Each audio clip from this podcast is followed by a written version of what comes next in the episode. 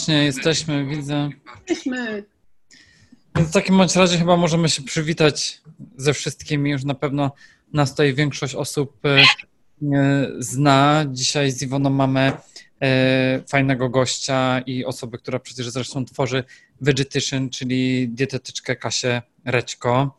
Więc dzisiaj będziemy rozmawiali o diecie e, w PCOS i co to jest to PCOS i tym podobne. Powie nam właśnie chyba wszystko dzisiaj Kasia, więc może Kasia powiesz coś o sobie, jeżeli jeszcze my się już przedstawialiśmy z Iwoną wcześniej.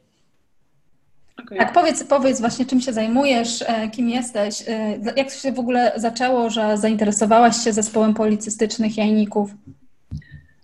Dobrze, więc jestem Kasia Rećko, jestem dietetyczką, e, właśnie głównie zajmuję się tematami diety roślinnej, ale też właśnie problemami hormonalnymi, e, zazwyczaj u kobiet, ale oczywiście mężczyzn tutaj nie dyskryminuję, ale tak się składa, że właśnie zazwyczaj trafiają się kobiety. Mm, I jeśli chodzi o to, dlaczego się zainteresowałam tym tematem, bo jakoś w toku studiów ustawiłam sobie, że w głowie, że ja chcę być sportowym dietetykiem i nie wiem skąd to wzięłam, bo nie jestem aż tak sportową osobą, ale potem stwierdziłam, o czym czytam najczęściej, co, co najbardziej mnie interesuje, jakie badania przeglądam.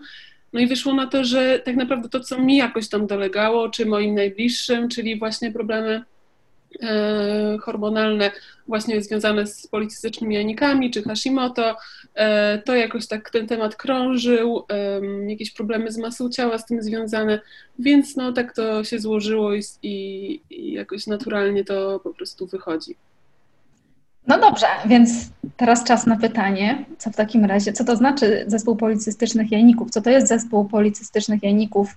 Um, powiedz może tak w kilku zdaniach, żeby też może nie przedłużać, tylko w kilku zdaniach tak, taką definicję. Może to być Twoja definicja. To, znaczy, to jest tak, y, sam, sam w ogóle y, skrót PCOS to jest Polycystic Ovary Syndrome e, i to jest po prostu zespół wielotorbielowatych y, Mm, jajników, tak? czyli występują na nich e, torbiele. I jest to jedna z najczęściej występujących endokrynopatii u kobiet, e, zazwyczaj, znaczy zawsze w wieku rozrodczym, no i występuje jako objawy zaburzenia um, układu i rozrodczego, hormonalnego i metabolicznego. E, także tutaj jakby objawy i, i zaburzenia są dość rozległe. Jeśli chodzi o to, jakie są objawy. No właśnie, chciałam się zapytać. Jeśli chodzi o objawy, właśnie to jeśli ktoś e, się interesuje tematem, to na pewno wie, bo są dość charakterystyczne, czyli właśnie nieregularne miesiączki e, lub całkowity ich brak. Mm, ale też nadmierne owłosienie, trądzik, czyli takie e, już sprawy, które dość są uciążliwe, bo jednak to jest coś, co widzimy na co dzień i co często e, nasila też jakieś e, problemy psychiczne, jakieś takie po prostu obniżenie nastroju też często towarzyszy kobietom z PCOS.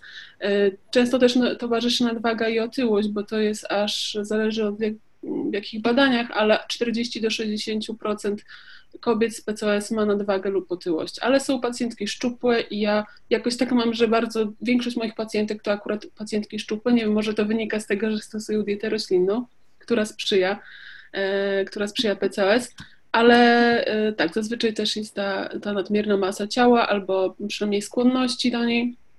Hmm, może być też łysienie, no i trudności z zajściem w ciążę.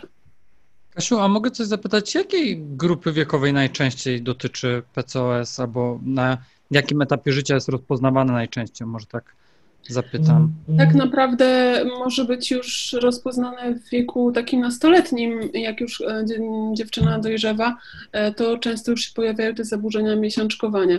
E, no i o ile czasami oczywiście może to wynikać z jakichś diet odchudzających, tak niskiej podaży kalorii, to, mm, to jednak czasami się okazuje, że to jest PCOS. Zresztą ja tak też o tym się dowiedziałam w ogóle w tym wieku nastoletnim, mimo że ja, jak się okazuje, nie cierpię w końcu na ten zespół, mam wiele różnych podobnych objawów, ale ja czy jakieś moje koleżanki już pamiętam, że miały w tym wieku i rzeczywiście tak też wynika z jakiejś tam z literatury, że już to się dość wcześnie zaczyna, czyli taki wiek rozrodczy i, i tak naprawdę to no, do 30 to na pewno i później to w zależności tak naprawdę, czy kobieta też planuje ciążę, czy nie, bo zazwyczaj jak planuje ciążę, to już zaczyna to leczyć, więc no, to są takie okolice 35 też roku życia, no zależy. No ale taki wiek rozrodczy typowo. Mm, no dobrze, a jak jak kobieta podejrzewa albo dziewczynka, dziewczyna podejrzewa u siebie właśnie zespół policystycznych jajników, e, to, to według Ciebie jaką drogę powinna obrać, że mm, oczywiście powinna iść do lekarza ginekologa, zrobić badania, ale mhm. mm, od czego te badania w ogóle zacząć e, wtedy, w tym czasie? To często bywa tak, że się chodzi też od lekarza do lekarza z różnymi e, wynikami badań, robi się różne, różne rzeczy, różną diagnostykę. Może jest coś takiego, od czego najlepiej warto by było zacząć podczas e, diagnostyki? To znaczy, tak naprawdę no, konieczne jest pójście do lekarza. Oczywiście jak widzimy, że lekarz jakoś tam to bagatelizuje, to po prostu zmieniamy lekarza, ale e, myślę, że warto szukać kogoś, kto się w tym specjalizuje i na pewno taki lekarz zleci USG, bo e, jakby diagnostyka opiera się na kryteriach rzymskich, gdzie e, muszą być spełnione dwa z trzech e, czynników, e, czyli właśnie albo i obraz WSG e, policystycznych jajników, czyli te torbiele na nich, e, ale też oligo, rzadkie owulacje bądź ich brak, e, no i też takie kliniczne, biochemiczne objawy hiperandrogenizmu, tak, czyli te podwyższone androgeny mm, i też obraz właśnie taki w postaci nadmiernego włosienia czy trądziku, więc tutaj muszą wystąpić dwa z tych z trzech czynników, no i to to e, robi lekarz i lekarz zleca badania. On e, zazwyczaj wygląda to tak, że się e, idzie na, na badania w odpowiednich dniach cyklu. Taki naj, najbardziej szczegółowy pakiet badań, który też tam kiedyś sama odbyłam, e, wyglądał tak, że e, miałam badania między trzecim szóstym dniem cyklu e, i były też badania właśnie w nocy, bo był badany na przykład kortyzol w nocy, więc to już były naprawdę bardzo szczegółowe badania. No i też obciążenie glukozą było wykonywane, tak, czyli wypicie czystej glukozy i pomiar insuliny, insulinami właśnie w punkcie zero, po godzinie i po dwóch godzinach od wypicia tej glukozy. E, no i cały pakiet hormonalny, tak, to już może nie będę wymieniać po kolei wszystkich, ale tak, te wszystkie androgeny, estrogeny, prolaktyna i tak dalej, wszystko jest, e, jest tam badane wtedy. I taki tak naprawdę fajnie jest e, otrzymać skierowanie, przynajmniej wiem, że w Warszawie tak się to odbywa, bo jest fajny tak. szpital Flanska, który to robi i fajnie dostać y, skierowanie na takie badania. Mimo, że opieka później już po tych badaniach to jest taka średnia, natomiast można zrobić na fundusz pełny pakiet badań, będąc dwa dni w szpitalu i później pójść nawet prywatnie do jakiegoś specjalisty. To tak od dwóch do trzech dni w szpitalu można zostać i wtedy, wtedy tak. te wszystkie badania zrobić. Tam jakieś inne jeszcze dodatkowo badania można zrobić, więc to jest akurat super, że, e, że wtedy można to załatwić w ciągu tych trzech dni, prawda? Tak, to naprawdę to jest półtora dnia nawet, bo się jest jeden pełny dzień i rano po, po badaniach tych na czczo e, już się wychodzi. Chyba, że są jakieś nieprawidłowości, to wtedy czasami jeszcze jeden dzień um, trzeba zostać, albo jeszcze przyjść pod koniec cyklu. Ale generalnie mm, tak to wygląda i to jest naprawdę super opcja, żeby jakoś tam swojego lekarza do tego e, zachęcić, żeby takie skierowanie wypić. No dobra, czyli mamy już, przykładowo, że mamy już tą diagnozę, tak? I jak później właśnie to, to leczenie jest oczywiście pod kontrolą lekarza. Tutaj jest, y, jest leczenie i dodatkowo w zależności od tego, jakie są objawy u pacjentki, dobieramy dietę i styl życia, prawda? No zmieniamy to, co, co trzeba po prostu naprawić. To jak to wygląda w praktyce? Opowiedz o tym myślę, że warto tutaj zacząć od masy ciała, tak? Czyli jakoś tak od ogółu, e, bo jeśli mamy nadmierną masę ciała, to jakby pierwsze, co, co należy zrobić, to ją znormalizować. E, I tutaj, tak jak wspomniałam wcześniej, 40-60% kobiet e, z PCOS cierpi na nadwagę lub otyłość, a z kolei szczupłe kobiety z PCOS mają większy odsetek, tkanki tłuszczowej, czyli nawet jak kobieta jest szczupła, to gdy zrobimy analizę składu ciała, to tam jest e, mniejszy odsetek mięśni, większy odsetek tkanki tłuszczowej. E, i, i, niestety jest do tego skłonność, tak? Mimo, że ktoś może jej nawet mówi, że jest bardzo chuda i w ogóle, żeby jeszcze najlepiej jadła i tak dalej, jak to e, są czasem takie komentarze, e, a okazuje się, że udział tkanki tłuszczowej jest dość wysoki. No i niestety też nadwaga i otyłość wiąże się z ryzykiem nasilenia się pewnych cech PCOS, czyli właśnie zwiększonego poziomu androgenów, e, co za tym idzie na przykład nadmiernym obłosieniem, ale też niepłodność wtedy e, może jakby się nasilić, że tak powiem, e, bo, bo jakby jeśli staramy się o, o dziecko, to rzeczywiście to obniżenie masy ciała może być takim pierwszym czynnikiem, który warto, o który warto zadbać. No i też e, jeśli już zajdziemy w ciąży, to jest większy odsetek e, powikłań e, u kobiet z nadwagą i otyłością, czyli może być jakiś stan przedrzucawkowy czy, czy cukrzyca ciążowa. Wtedy w przypadku nadwagi i otyłości, zresztą tak samo u kobiet bez PCOS jest, jak zawsze otyłości jest więcej po prostu powikłań różnych czy, czy ryzyka. A tak ja trochę może wyprzedzę dlatego że tutaj właśnie Iwona wspomniała o tym stylu życia, odżywianiu, to ok, jeszcze o odżywianiu pewnie dużo powiemy, a mm, Kasia, aktywność fizyczna kobiety z PCOS, czy bardziej może wskazany wysiłek o wysokiej intensywności, średniej intensywności, jak jeszcze jest e, insulinooporność może i tym podobne. Jak to jest? Dlatego, że tutaj są zdania e, podzielone. E, ja sam także miewam takich pacjentów i zwłaszcza w przypadku młodych osób, czyli na przykład dziewczynek 12-letnich, którzy przychodzą e, do mnie z kliniki na przykład endokrynologii dziecięcej i tym podobne, to naprawdę potrafię usłyszeć przeróżne rzeczy od e, rodziców moich małych pacjentek. Dlatego chciałem zapytać, jak tam ty to widzisz, jak to w badaniach naukowych w tym PCOS-ie w yes. badaniach do tej pory, bo, bo, zaraz powiem, co tam ostatnio wyczytałam, jakieś tam jedno badanie, ale generalnie do tej pory było tak, że, że jakby wszelkie badania, jakieś metaanalizy wskazywały na to, że właśnie umiarkowany wysiłek fizyczny, e, czyli taki w zasadzie jak przy insulinoporności, tak, e, o takim nie bardzo intensywny, e, ale też zadbanie o tkankę, e, o wysiłek oporowy, o, tkank, o trening oporowy, przepraszam. O rozwój tkanki mięśniowej, tak? Tkanki mięśniowej, e, tak, a do tego właśnie rzeczy typu rower, nordic walking, jakieś takie rzeczy, które mm, po prostu podnoszą nam ten mm, tętno, y, zaczynamy się jednak, taki wysiłek po prostu o średniej intensywności. Często e, chyba w ogóle zacząć wysiłek. Właśnie, trzeba w ogóle zacząć od czegoś, jeżeli ktoś e, wcześniej nie trenował i chyba najlepiej jest wtedy też zacząć od czegoś, co, co będzie nam e, największą przyjemność sprawiać. To lubimy. Spacery też opcjonalnie mogłyby być. Tak, jak najbardziej, tylko po prostu, żeby one były takie bardziej intensywne niż taki bardzo... Spacery po lesie, po górach. Tak, tak, tak. Oczywiście to wszystko zależy od y, masy ciała, bo jeśli jest duża nadwaga, raczej otyłość mhm. i mamy obciążone stawy, to ja bym to konsultowała oczywiście z fizjoterapeutą, jaki ten wysiłek powinien być i jakie są, w jakim stanie są stawy y, czy kręgosłup, ale no, zdecydowanie y, myślę, że w każdym przypadku chodzenie jest ok. Y, więc... I nie ograniczamy zaleceń tych WHO na przykład o 150 Y, minutach y, średniej intensywności wysiłku i tym podobne. Nie, nie, nie. To tak. właśnie te 30 minut dziennie to jest y, idealnie, przynajmniej te 5 dni w tygodniu. Tak, to jak najbardziej. Natomiast no, lepiej, żeby to było właśnie troszkę przyspieszony ten marsz. No tak. wiadomo, tak. tutaj zwiększenie tego czasu intensywności fizycznej przynosi dodatkowe korzyści. Dlatego też o tym wspomniałem, dlatego że tutaj rodzice mają obawy co do tego czasami, dlatego mhm. dziękuję, że nam to wyjaśniłaś i utwierdziłaś mnie w przekonaniu.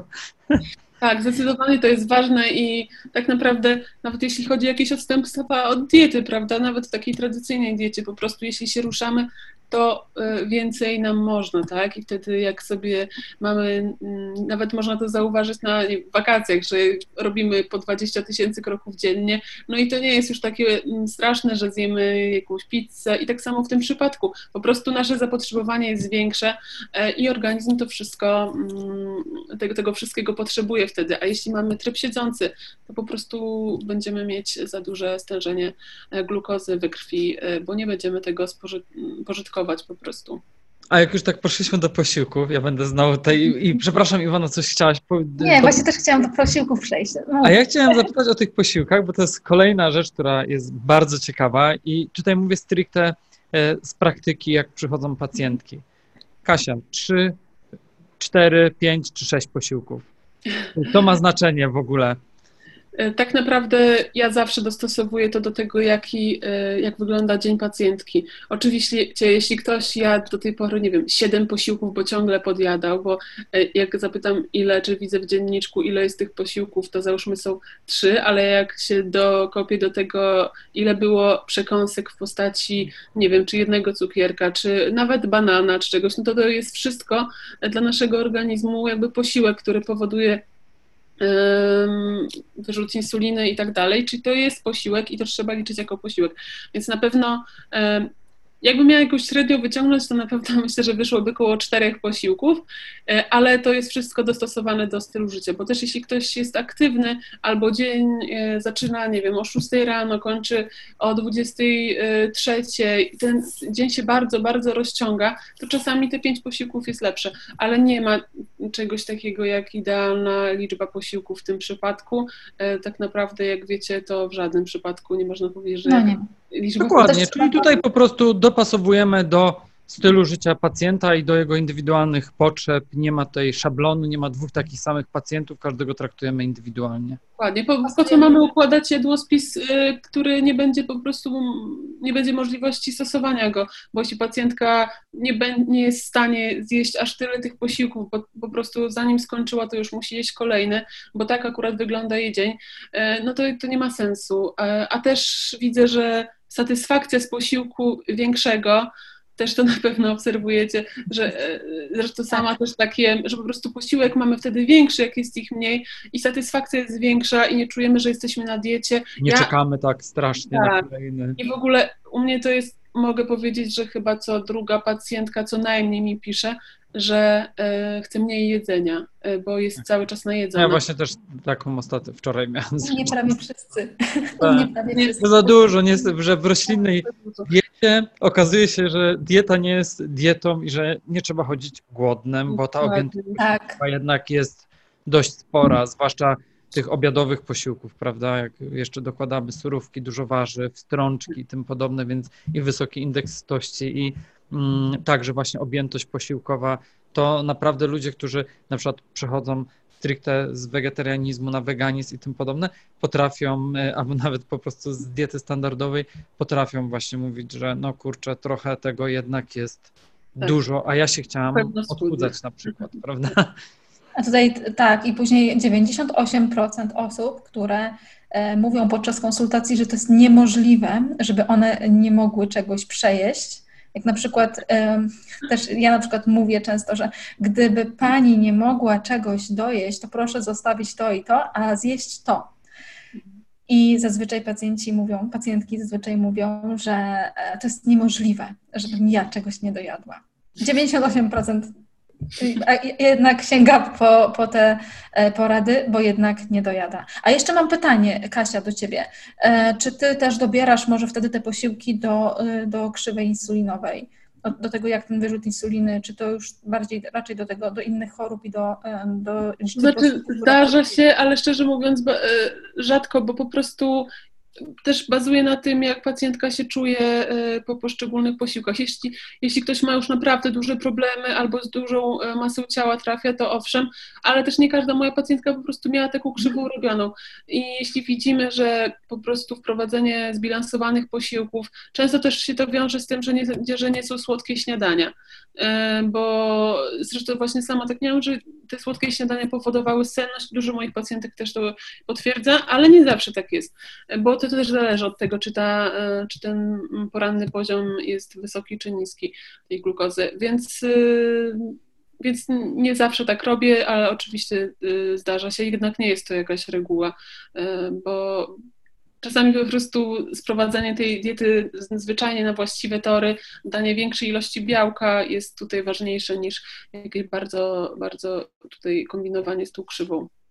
To ja mam takie, jak już mówiłem. A, przepraszam, Iwona. No to ja tylko jeden komentarz, że czasem już uregulowanie godzin posiłków i jedzenie regularnie, te pierwsze zmiany y, po prostu zmiany po prostu w godzinach posiłków, jedzenie regularnych posiłków i objętościowo podobnych już coś zmienia.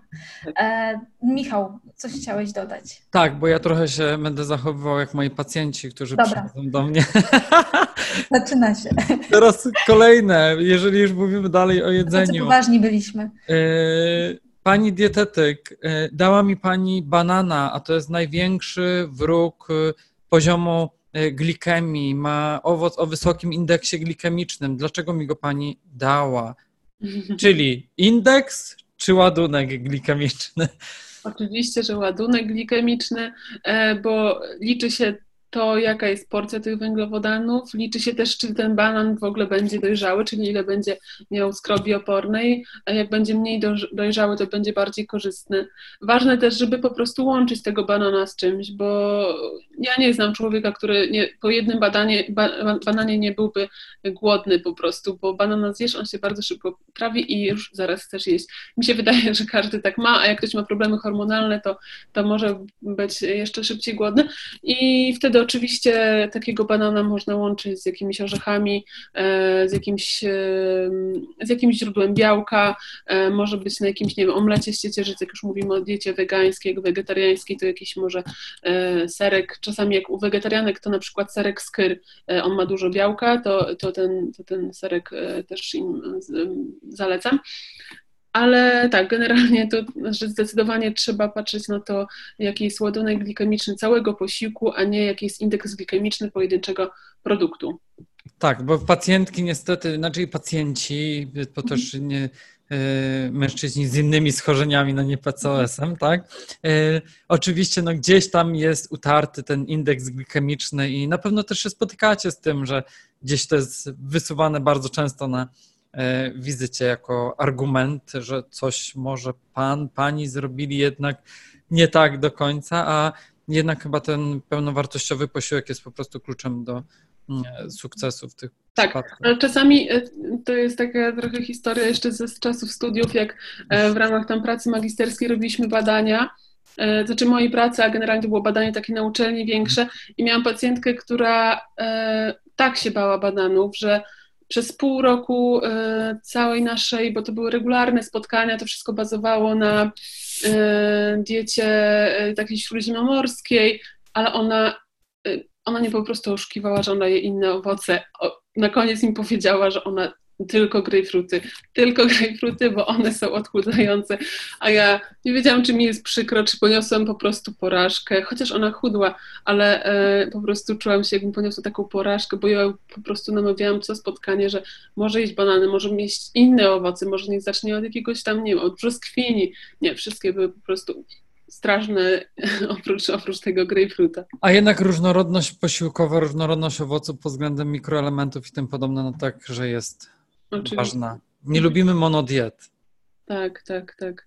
No i to jest, to jest, to jest takie smutne, bo taka osoba jest po prostu całe życie na diecie. Właśnie ta pani miała 60 parę lat i miałam wrażenie, że ona całe życie mm, tak na diecie.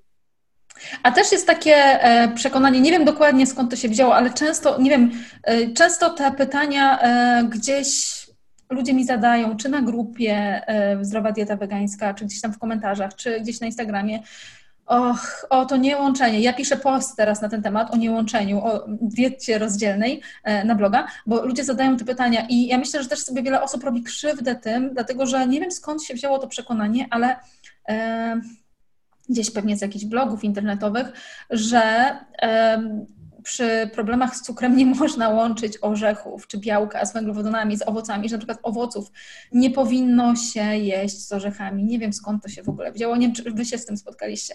Czy tylko mi takie pytania zadają? Nie, też takie, oczywiście też od razu 18 i tym podobnym, bo tutaj tak, to, to, wiadomo, jest, no, trochę, jest trochę, ale e, faktycznie, no internet jest taką kopalnią e, wiedzy, no najgorszej, no najgorsze, no, okno na świat, ale też y, okno, które trochę nam psuje robotę, zwłaszcza, że mm, no, weryfikacja tych źródeł internetowych przez standardowego pacjenta niekoniecznie musi się odbyć w sposób prawidłowy i dobrze o tym wiemy, że jest bardzo dużo portali, mhm. które niekoniecznie są dobre merytorycznie, mhm. no ale są na przykład na topowej liście, jak się wpisze jakieś tam, nie wiem, schorzenie czy coś na mm, wyszukiwarce chociażby najpopularniejszej, której nie mhm. będę tutaj reklamował.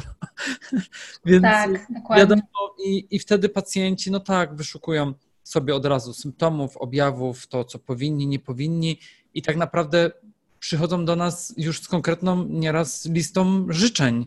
Mhm. Tak, że nie wiadomo sobie dlaczego przyszli, skoro już wszystko tak, sobie tak. rozpisali, prawda? Tak, tak. No I też e... ciężko później czasami takiego pacjenta mhm. E, z tego przekonania wytrącić z tego względu, że no, ja wierzę wpisane, jest na internecie, ludzie tam komentują, pisali dobre rzeczy, a przychodzę do pana jako, czy do pani jako specjalisty i pani mi mówi co innego, że ja nie wiem, mogę jeść to owoce po 18, a pół internetu mówi, że, że nie, to... Bo wtedy już przestają ci się trawić. Tak. Stawią się już tak, jak trzeba. Twój organizm ma wtedy wolne. Ja tylko tak sobie notuję tutaj, tak. zapisuję sobie e, pomysły przy okazji do innych live'ów.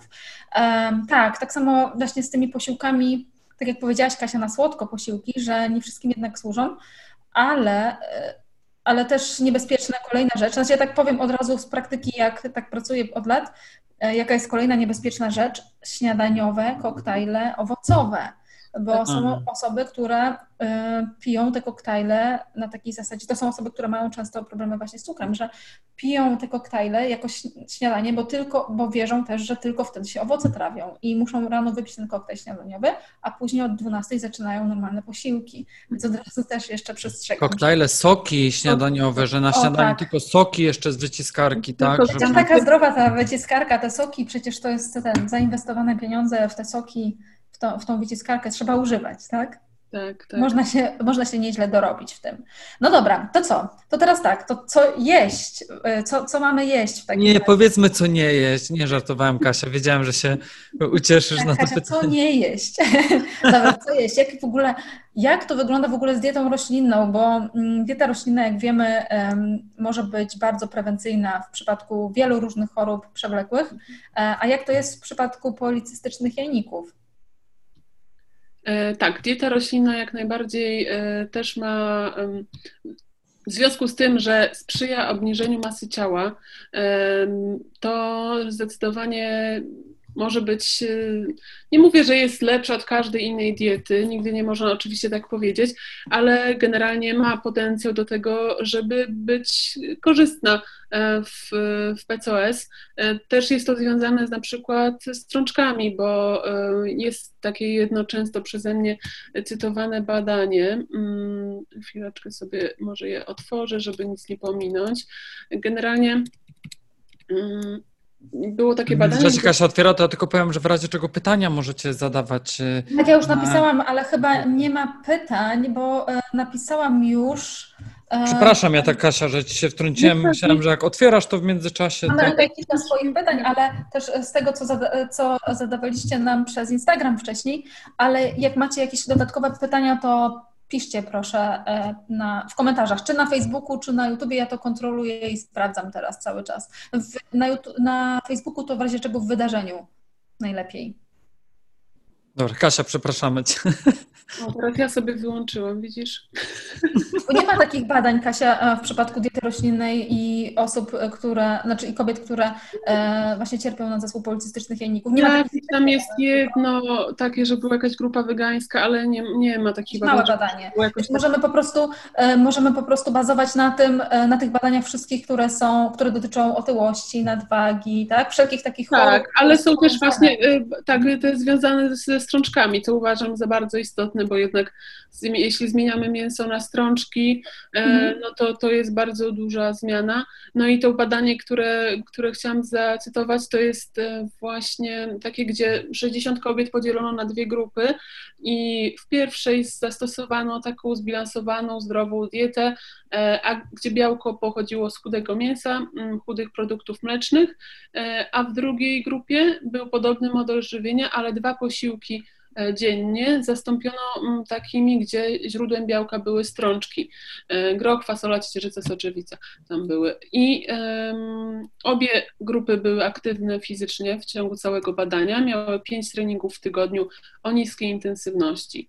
No i się okazało, że po czterech miesiącach e, w grupie, która spożywała więcej białka roślinnego e, w porównaniu do tej grupy, która mm, go nie spożywała, e, obniżyło się ciśnienie rozkurczowe krwi, stężenie cholesterolu frakcji LDL, trójglicerydów, ale też pole powierzchni pod krzywą odpowiedzi insulinowej, właśnie po tym teście obciążenia glukozą się zmniejszyło, no i zwiększyło, zwiększyła się frakcja HDL.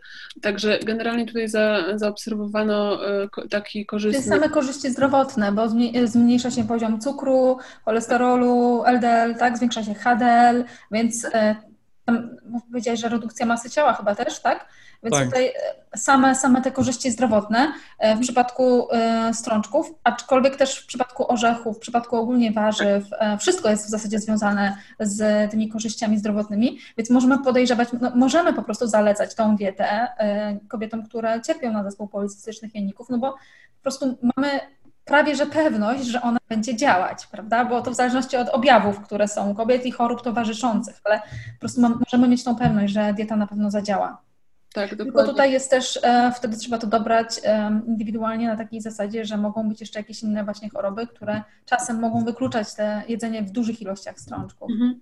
Ale też to, co warto wspomnieć, to na pewno, że często kobiety na dietach wege jedzą właśnie za mało i o tyle e, ja to widzę po prostu, bo tak. mam większość pacjentek szczupłych i jak ja patrzę w ich jadłospis, to on jest za niskokaloryczny i nie da się mieć y, regularnych cyklów miesiączkowych, jeśli mamy cały czas niedobór e, energetyczny a tak naprawdę co za tym idzie, mamy niedobór cynku, żelaza, o który i tak jakoś tam troszkę e, trzeba zawalczyć w tej diecie roślinnej, bo trzeba zadbać o przyswajanie i tak dalej. Mamy tego żelaza dużo, e, cynk też da się dostarczyć, ale to musi być odpowiednia ilość strączków e, i, i roślin i zbożowych produktów, więc no nie da się jedząc mało po prostu tego wszystkiego dostarczyć, więc no, to jest podstawa, żeby, żeby jednak od tego zacząć i, i dlatego Dlatego czasami, jeśli ktoś chce przejść stricte na dietę roślinną już jutro, pojutrze i nie do końca ma na ten temat wiedzy, to ja polecam udać się do dietetyka,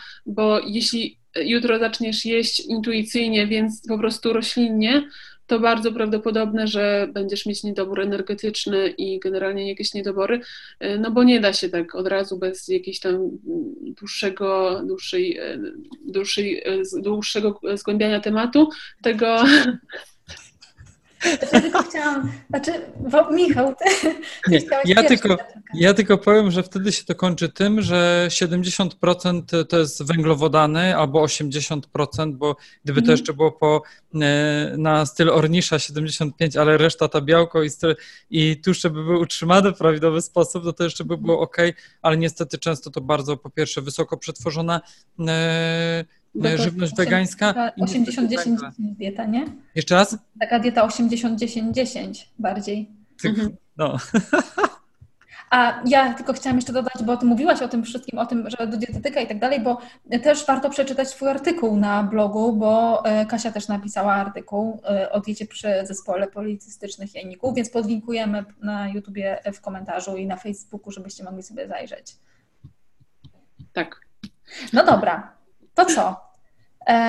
Przechodzimy do pytań, czy jeszcze, może, a jeszcze, bo tak, bo i tak te pytania się trochę pokrywają z tym, e, o co ja chciałam jeszcze zapytać, co, o co my chcieliśmy jeszcze z Michałem zapytać, o suplementację, czy oprócz tej zwykłej suplementacji, która normalnie jest polecana na diecie roślinnej, czyli już to wałkujemy od dawna i też będzie o tym e, live e, za tydzień z, Magdą, z dr Magdą Obrzut, taką suplementacją jak B12, witamina kwasy, omega-3, e, witamina D, to czy coś jeszcze polecasz e, dla kobiet, które właśnie cierpią na zespół policystycznych jajników? Czy coś jeszcze warto posuplementować pod, pod um, opieką lekarza lub dietetyka?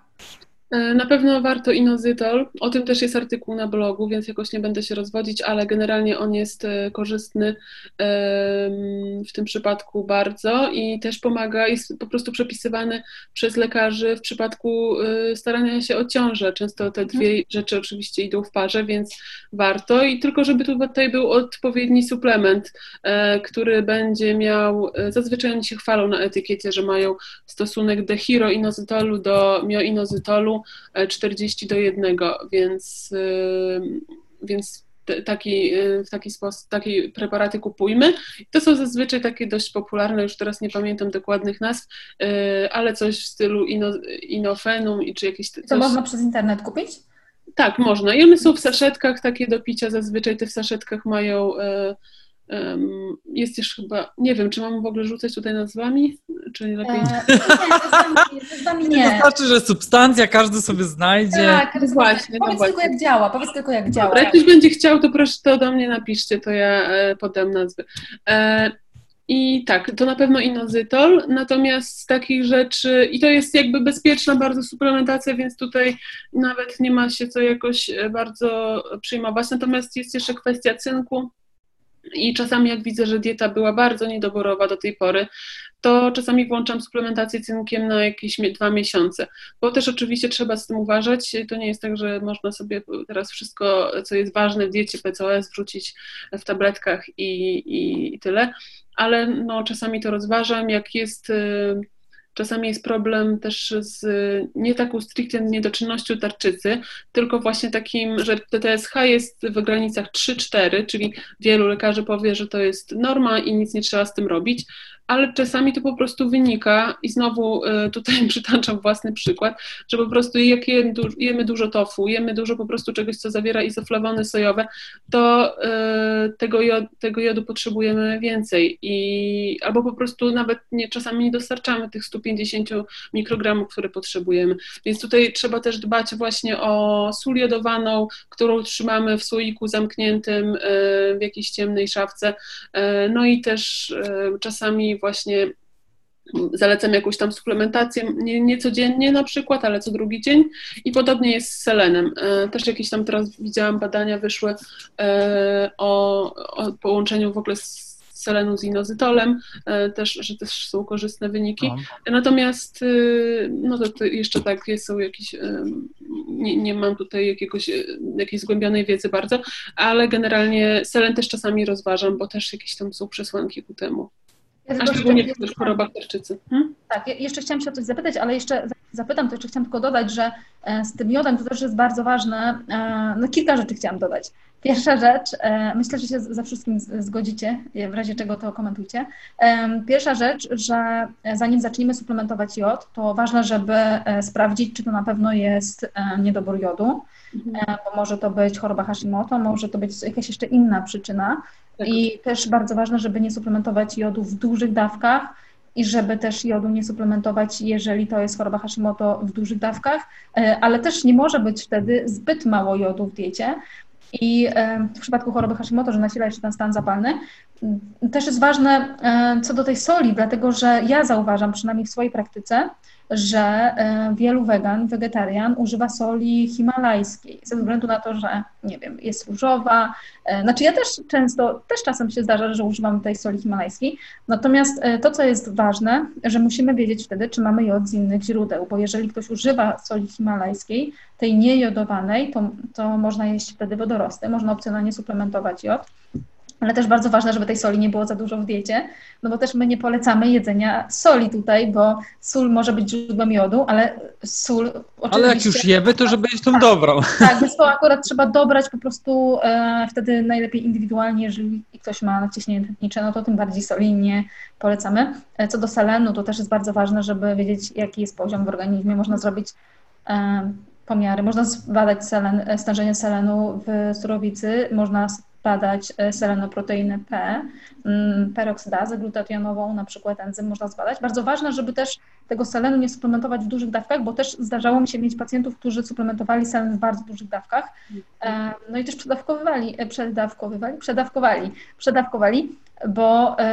hmm, bo, bo też nadmiar selenu jest toksyczny, więc tutaj od razu, jak mówimy o suplementacji, To bardzo ważne, żeby nie robić tego samodzielnie pod kontrolą lekarza lub dietetyka, tak? Żeby po prostu nie robić tego samodzielnie. Najlepiej pod kontrolą endokrynologa wtedy, kiedy jest, y, kiedy są jakieś problemy z tarczycą, to trzeba najpierw zrobić badania USG tarczycy, mhm. hormony tarczycy, y, przeciwciała tarczycowe, więc zaczynamy zawsze od badań.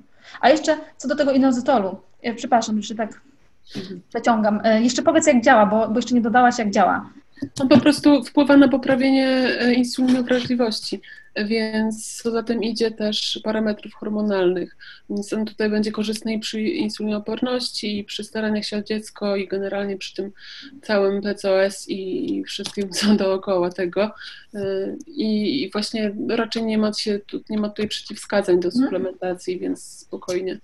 E, oczywiście on też jest w diecie, ale, ale no generalnie może być, ta, jest tak, że kobiety z PCOS mają go um, mniej i po prostu warto wtedy, warto zadbać o jego zwiększoną dawkę. A czy berberynę też e, wtedy stosujesz, czy albo inozytol, albo berberynę, czy może tej berberyny nie, tylko inozytol stosujesz? E, no ja inozytol zazwyczaj tylko e, też widzę, widzę, że pacjent, jak już e, tak, pacjentka wegańska musi suplementować B12, omega-3, witaminę D, chodzi inozytol i czasami, nie wiem, ma jakieś problemy z magnezem, też ewidentne takie. Też więc, jakieś leki w ogóle. Tak, i wychodzi po prostu tak długa Halo, Kasia się zacięła. Nie jest tak, że y, nie chcę teraz tutaj takiego przesłania nieść, że to jest, że suplementy są złe, bo nie są tylko złe, ale po prostu też jakoś tam, e, dokładnie, bo myślę, że trzeba jakoś optymalizować tą ilość po prostu. No tak, no właśnie trzeba umiejętnie stosować, ale też trzeba, je, bardzo ważne, że te suplementy musimy dobrać też e, w taki sposób, żeby nie wchodziły w interakcję z lekiem albo ze składnikami z posiłku, tak? Czyli na przykład jak jest magnez, no to nie możemy do tego posiłku zjeść e, tofu albo e, wypić napoju roślinnego, żeby nam się te dwa składniki mhm żeby nam nie wchodziły w interakcję. Ale o tych suplementach będziemy jeszcze mówić, um, o suplementach w diecie roślinnej za tydzień w czwartek. Czy coś jeszcze do tych suplementów chciałabyś, Kasia, dodać? Coś jeszcze ważnego, jakieś przesłanie? jeszcze? Na pewno, y, bo tak trochę nie powiedzieliśmy o tłuszczach w diecie, ale generalnie na pewno y, trzeba zadawać o zdrowe tłuszcze y, i nie obejdzie się tutaj bez suplementacji omega-3, EPA i DHA. Więc, no i też jako suplement czasami można potraktować łyżkę czy dwie łyżki oleju lnianego, czy tam z lnianki dziennie, bo jeśli ktoś, nie wiem, nie lubi go w sałatce czy w czymś, to po prostu najlepiej, żeby zażył go chociaż jak suplement i popił czymś, jak nie smakuje, e, chociaż ja bardzo lubię. Iwona chyba nie cierpi szlinianego.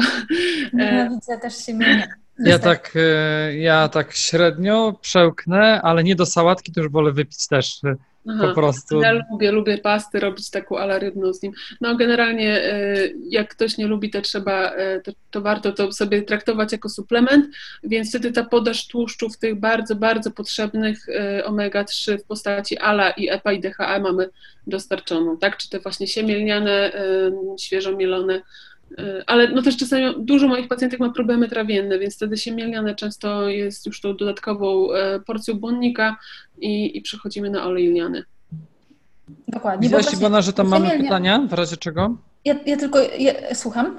Że tam mamy pytania w razie Mamy pytania, tylko jeszcze dodam, że e, z tym siemieniem lnianym, mm, że oczywiście to siemię lniane jest tańsze, można to zmielić, jest dobrze, znaczy jest super wygodne, można też z tym podróżować, ale czasem właśnie, tak jak ty Kasia powiedziałaś, ten olej lniany się sprawdza bardziej.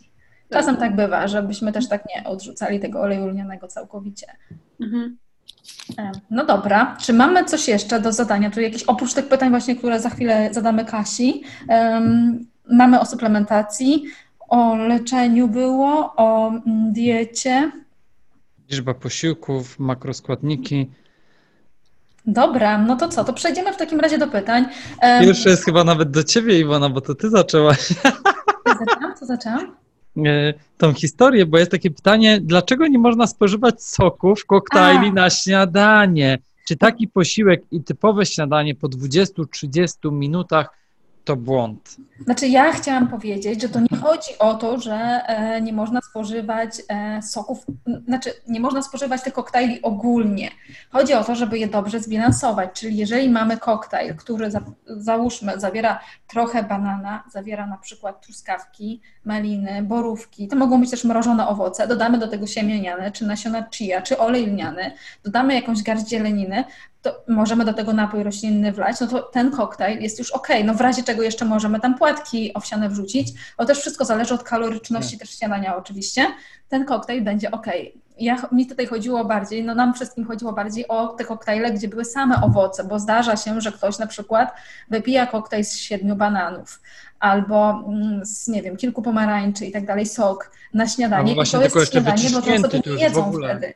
I wtedy jest ten wyrzut cukru po prostu e, i insuliny po posiłku wysoki. To o, o to chodzi. Natomiast jeżeli chodzi o soki, o takie soki ogólnie, bo tutaj ta osoba się też zapytała, e, czy można te soki, e, co z tymi sokami, czy można 20-30 minut odstępu mieć.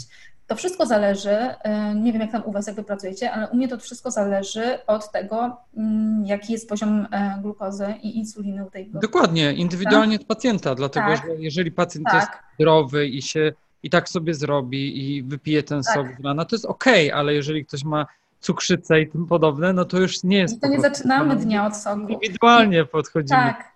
I druga rzecz jeszcze bardzo ważna, e, że no, ten sok nie powinien być samodzielnie wypity, tak, że te 20-30 minut, no on przeleci, już jest wielicie, tak, i dopiero później jest ten posiłek. Dobrze by było jednak um, no, zjeść coś do tego soku, czy garść orzechów, czy jakąś kanapkę z humusem. Bardzo ważne, żeby też białko i tłuszcze się pojawiły w tym posiłku. Może być to masło orzechowe też, a nie sama na przykład kromka chleba z dżemem, e, co jest ja zazwyczaj niestety, e, moi pacjenci niestety e, mają zakazy na soki, zakaz soków. No ja też nie, nie polecam. Wolę, żeby pacjent zjadł cały owoc, zjadł pomarańczę, a nie ją wycisnął, pozbył się błonnika i innych rzeczy, dlatego, bo jest płynne. No i zwłaszcza też tutaj e, od razu zwrócę uwagę, że jeżeli ktoś dba o podaż kalorii, dlatego że jego celem jest deficyt kaloryczny, no to to jest właśnie mm, taka mała pułapka, bo my po prostu przepijamy te kalorie w takich sokach, bo to nam nie nadaje sytości,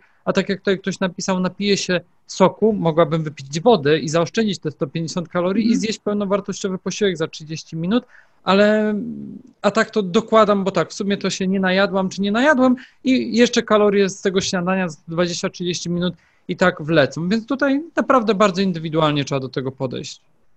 Od razu mówię, że u mnie jest tak, że e, większość soków jednak zabraniam, bo jednak większość soków takich typowych jest właśnie z tych słodkich owoców, więc opcjonalnie albo rozcieńczanie z wodą, albo e, niewielka ilość soku, no bo zauważmy też, że jak robimy sok, to szklanka soku to nie jest jedna pomarańcza, tak? Dokładnie. Tylko więcej, to jest tak jakby od razu zjada, wypijamy dużo owoców. Um, więc jeżeli już sok, to u mnie jest jako dodatek do czegoś tam, do sałatki czy do jakiegoś dania, albo naprawdę okazjonalnie jakiś tam sok, może być nawet warzywny, ale głównie zabraniam codziennie jednak pacjentom picia soków. Albo około ja... też już. No, zależy jeszcze komu, ale głównie Ja mam to samo podejście, soki okazjonalnie, ewentualnie smoothie pełnowartościowe y, i tyle, bo wtedy przynajmniej y, jest większa szansa, że z tego przynajmniej skorzysta organizm i tyle. Następne pytanie. Ja czytam, czy ty? A proszę, proszę bardzo, koleżanko. Mm. Czy to prawda, że przy PCOS nie powinno się jeść soi? Można jak najbardziej jeść soję. To raczej zależy od tego, nawet w chorobach, w chorobach tarczycy y, można jeść soję, co wiemy, że jest taki mit, że, że nie można. Chodzi o to, żeby to była umiarkowana ilość, więc jeśli y, w ogóle w samym PCOS można jeść soję, trzeba tylko dbać też o podaż jodu jest to też fajne, lekkostrawne źródło białka, które e, też ma izoflawony sojowe, które są korzystne dla zdrowia, e, bo jednak z PCOS występ, mogą współwystępować jakieś problemy e, metaboliczne, więc... Kolesterol, prawda? Kolesterol i tak dalej. I tutaj wszystko to soja jest, działa pozytywnie. Natomiast jeśli załóżmy, że współwystępują jakieś problemy z tarczycą i bierzemy na przykład rano leki, no to w sensie nie doczyny, niedoczynność, czy no tak, niedoczynność um, i wtedy nie polecamy na, na, pewno z rana tych leków, bo obniży się e, ich przyswajanie. Ale generalnie jak najbardziej e, soja ma dużo pozytywnych właściwości ze względu na te właśnie izoflawony e, i jest po prostu fajnym e, źródłem białka, które daje sytość, e, które nie jest typowym ugotowanym strączkiem, e, ma dużo po prostu, może służyć jako twarożek i tak dalej. Bardzo fajnie wykorzystać. Zresztą o czym ja mówię? Mamy tutaj specjalistę króla tofu, więc... Ja, ja bym tutaj, nie widzę przeciwwskazań. Nie tofu też. Tak, może jakieś zalety tofu. Ja nie wyobrażam sobie dnia bez tofu. Ja? Ja, a ty też chyba jesz dużo. Tak, ja też. Tak, ja, nie, nie pamiętam dnia bez tofu tak naprawdę chyba. U mnie też. Ja codziennie, codziennie, tak. Ja też, ja też. Smutno by było. I bez tofu i bez masła orzechowego to jest, to u mnie się nie zdarza. Jak się zdarza, to już mam znaczne obniżenie nastroju wtedy. A tu jest nie. też fajne pytanie, drugie, no. przepraszam. E, czy PCOS może zredukować przetłuszczanie się cery i trądzik? Czy, Boże, dieta w PCOS, przepraszam, bo nie doczytałem początku. Czy raczej ten problem nie minie, jak Kasiu, z pacjentami? To na pewno może być y, fajne wsparcie, bo oczywiście to, też znowu zależy. Czasami tak, dieta pomaga, bo jeśli na przykład e, wyrównamy, dostarczymy odpowiednią ilość cynku, e, selenu z dietą, to wszystko e, składniki, które wpływają, czy kwasów omega-3, to wszystko składniki, które są bardzo ważne dla skóry.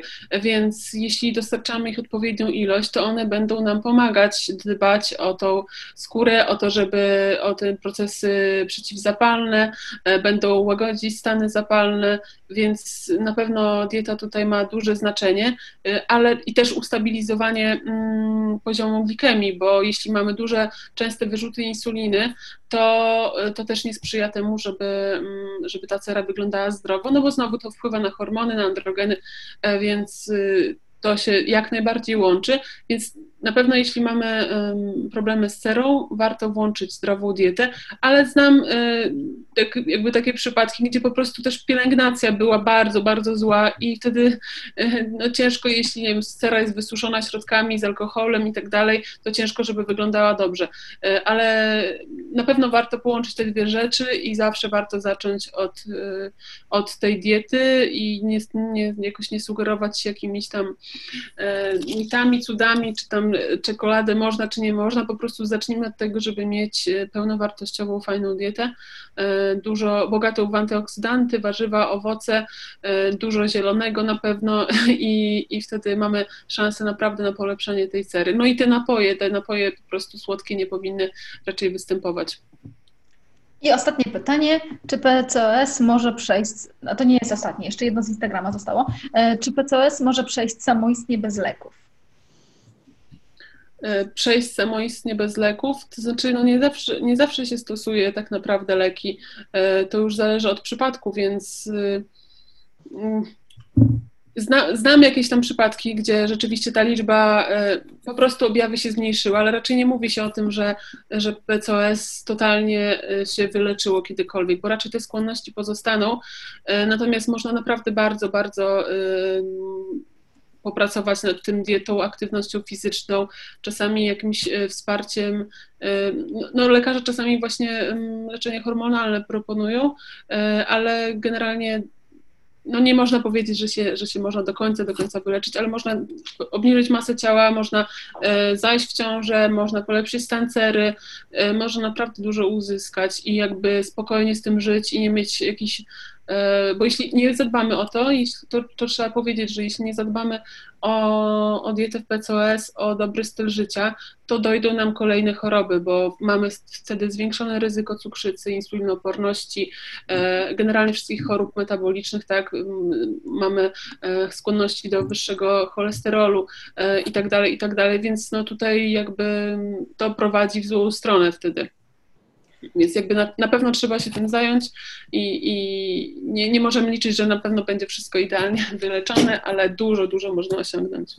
I ostatnie pytanie z Instagrama. E, czy tylko sobie zaznaczyłam hasła i teraz nie pamiętam dokładnego pytania, ale chodziło o to, e, czy, mm, czy polecana jest dieta niskowęglowodanowa przy PCOS? Ja y, jakby nie znam takich badań, które mówiłyby na ten temat, żeby, żeby stosować taką dietę. E, raz według mnie z takiego prostego, praktycznego powodu, że to jest bardzo ciężka do stosowania dieta, totalnie nieoptymalna moim, w moim, moim zdaniem i po prostu... Nie układasz diety keto? Nie, nie roślinnej keto, wegańskiej. Nie, nie, nie, nie. I no ja nie polecam zdecydowanie. Warto zadbać o to, żeby jednak te węglowodany były. Oczywiście warto, żeby była trochę wyższa podaż białka e, przy takich problemach, szczególnie gdy się odchudzamy, e, ale tutaj ja nie stosuję takiej diety niskowęglowodanowej, nie zalecam swoim pacjentom. Mhm. No dobra, to było ostatnie pytanie. Czy coś, Michał, chcesz dodać? Hmm.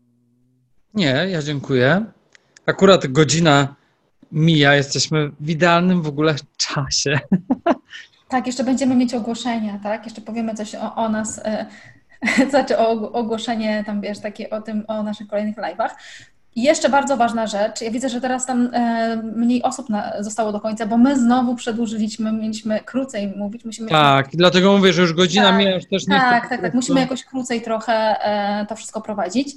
E, Kasia ma dla Was propozycję. Kasia zastanawia się nad, czym, nad, czym, nad tym, czy nie przeprowadzić warsztatów, które będą online, które będą e, dla osób, z, dla kobiet, e, które cierpią na policystyczne jajniki, już bardziej nie dla dietetyków, czyli tych warsztatów, które są dostępne na platformie, ale bardziej takie warsztaty właśnie na, w grupie kobiet, które cierpią na policystyczne jajniki. Podczas tych warsztatów Kasia będzie e, opowiadać o tym, jak powinna wyglądać dieta, aktywność fizyczna. Co tam Kasia jeszcze w tych warsztatach mogło co tam byłeś? Tak, generalnie znaczenie diety, tak jak dzisiaj trochę wspomnieliśmy, zna, mhm. zaczniemy od znaczenia diety, znaczenia też podaży makroskładników, czyli właśnie, że jednak trochę więcej białka trzeba w tej diecie. Powiemy sobie o aktywności fizycznej, o suplementacji. Masz też przykłady tego wszystkiego, jak to będzie wyglądać, prawda? E, więc jeżeli jesteście zainteresowani albo zainteresowane ogólnie takimi warsztatami, to napiszcie nam w komentarzu tak, albo napiszcie, że jesteście zainteresowani. E, to damy Wam znać, odpiszemy Wam później, e, podamy linka i zdecydujemy, zobaczymy ile osób, też poczekamy jakieś kilka dni, zobaczymy ile osób będzie zainteresowanych i damy Wam znać, dobrze? To teraz tak, Kasia, powiedz jeszcze, gdzie Cię znaleźć i, bo powiedziałaś na początku, czym się zajmujesz, gdzie Cię można znaleźć. E, można mnie znaleźć na, głównie działam na Facebooku, Instagramie. Na Instagramie Kasia Wegedytetyczka, też na profilu Vegetation macie tam link do mnie. E, na Facebooku Katarzyna Rećko Dietetyk. E, za chwilę będzie strona internetowa, ale to na razie, no i też będzie Katarzyna Recko po prostu, więc też łatwo znaleźć. Macie Katarzyna Recko. Tak. I, mhm. Tak, i generalnie, e, generalnie tam. Czyli Instagram, Facebook, strona internetowa. E, tutaj już jedna osoba napisała, super pomysł, jestem za, za tymi warsztatami, no to super. Właśnie będziemy czekać, tak, zobaczymy ile osób będzie za i po prostu stworzymy coś takiego. Musimy zobaczyć, czy, czy dużo osób się tutaj zgłosi, bo też e, teraz pewnie wiele osób nie mogło też obejrzeć i pewnie w ciągu kilku dni będzie aktualizować sobie tak. Możecie też pisać y, po prostu rzeczy, które chcecie, żeby były poruszone, bo tak. czasami to jest taka, wiecie, klątwa wiedzy, że się już y, czasami pomija, pomijam rzeczy, które mi się wydają oczywiste, oczywiste. Staram się tego nie robić, ale chyba każdy tak ma, że musi się bardzo z tym pilnować, jeśli już jakiś temat wałkuje od jakiegoś czasu. Więc dla mnie będzie ważne, żeby to dla Was było praktyczne, a więc im więcej pytań zadacie, y, tym będzie to lepiej przygotowane.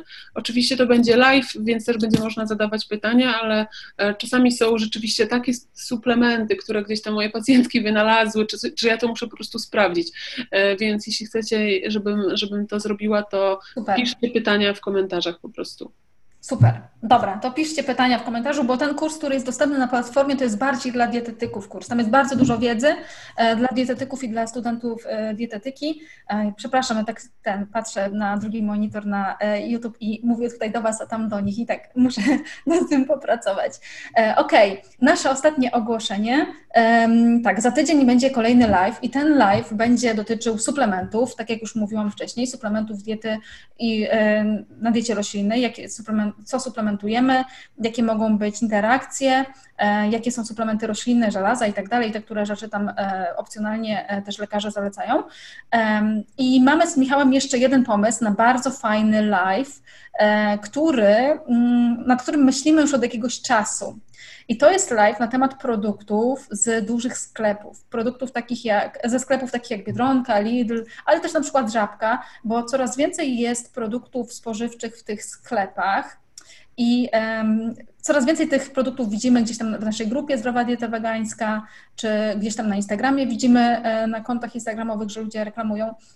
Tymczasem nie wszystkie te produkty są zdrowe, ale niektóre są naprawdę fajne, niektóre mają bardzo dobry skład i super, że te produkty się pojawiają. Znaczy ogólnie super, że się wszystko pojawia, bo widzimy, że jest ten boom na produkty roślinne i możemy dzięki temu też e, mieć więcej alternatyw e, mięsa i e, nabiału. Natomiast jeżeli chcecie, żebyśmy omówili te produkty na żywo, to mamy dla Was taką propozycję, żebyście nam podsyłali zdjęcia tych produktów, tylko mm, zastanawiam się jeszcze, gdzie te zdjęcia, czy na Instagramie, czy to musimy ustalić z Michałem, żebyście nam podsyłali zdjęcia tych produktów i my będziemy je zbierać. I e, na live, który ogłosimy tam na Facebooku za jakiś czas, e, na żywo opowiemy o tych produktach, pogrupujemy je, które warto, które nie warto, które optymalnie można, ale e, w rozsądnych ilościach i tak dalej, tak? Wszystkie za i przeciw. Najlepiej jak już to ze, ze składem i z tak, dokładnie. z tyłu, bo później będziecie musieli to odszukiwać gdzieś w internecie to będzie. Tak, tak to już napiszemy w tym ogłoszeniu, gdzie będzie jakiś adres e-mail, czy czy inny sposób dostarczenia tych zdjęć? o, to... wiem, na maila, na maila VeggieTube, na maila VeggieTube niech tak będzie, co?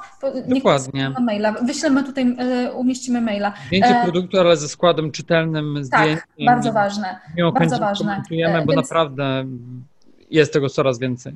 Więc jak będzie dużo tych produktów, to najwyżej zrobimy kontynuację tego live'u za jakiś czas. Natomiast e, no to jest taki nasz pomysł, że zrobimy taki powiedzmy trochę bardziej off-topowy e, live na temat produktów z dużych sklepów, bo jest coraz więcej tych produktów, warto się nimi zająć, co w ogóle się opłaca jeść, a co traktować bardziej jak junk. To się pojawiło, o czym my jeszcze nie wiemy? Jakieś nowości? Może też Iwona? Codziennie się coś pojawia. Zaskoczy. No dobra, no to słuchaj, no to wszystko w takim razie już chyba kończymy. Tak. Dziękuję Wam za udział. Już widzę, Dziękujemy i na, zapraszamy na, na Vegetarian, na wszystkie, czytać wszystkie wpisy Katarzyny Reczko o PCOS-ie i przeróżne inne. Jak dzisiaj był taki temat, to trzeba jeszcze raz to powtórzyć. Jestem mistrzem reklamy, wiem.